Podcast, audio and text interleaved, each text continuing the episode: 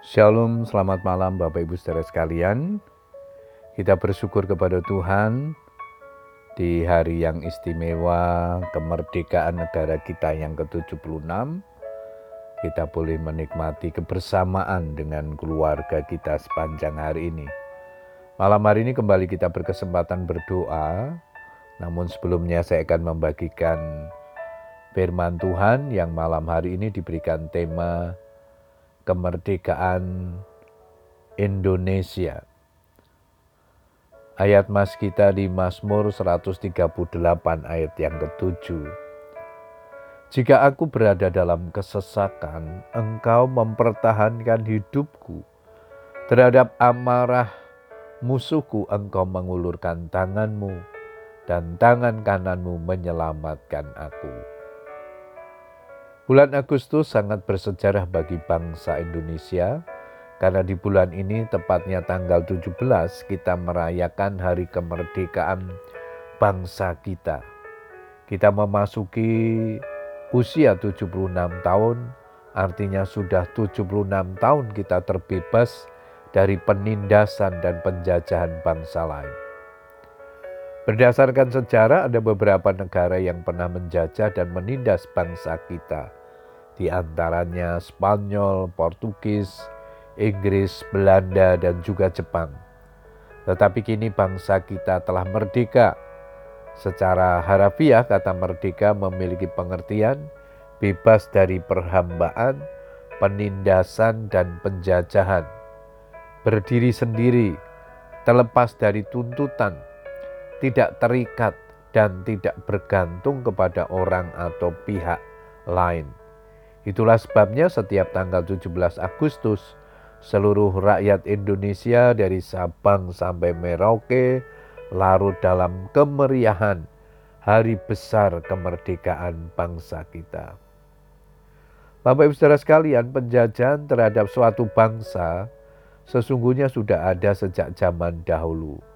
Contohnya adalah yang dialami oleh umat Israel yang mengalami penindasan bangsa Mesir.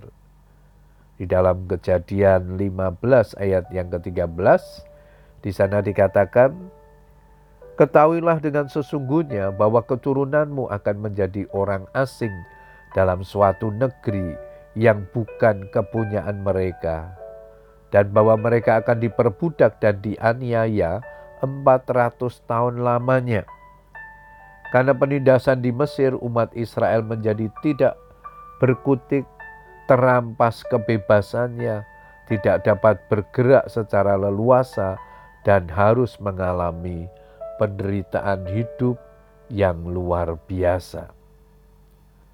Seperti halnya bangsa kita pernah dijajah, dan juga bangsa Israel dijajah oleh bangsa Mesir Demikian juga kita, sebelum kita menjadi orang-orang yang percaya, menjadi pengikut-pengikut Kristus, kita adalah orang-orang yang dijajah oleh dosa. Ketika dosa menguasai kita, maka kita menjadi terikat.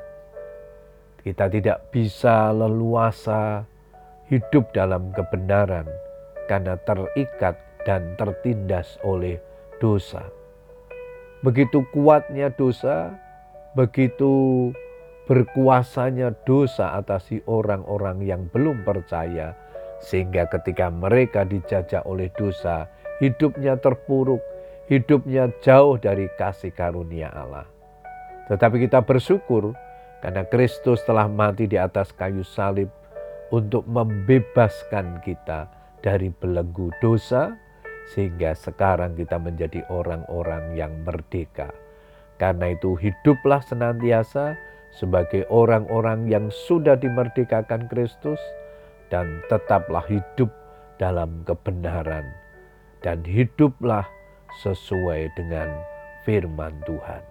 Puji Tuhan, selamat berdoa dengan keluarga kita, tetap semangat berdoa, Tuhan Yesus memberkati. Amen.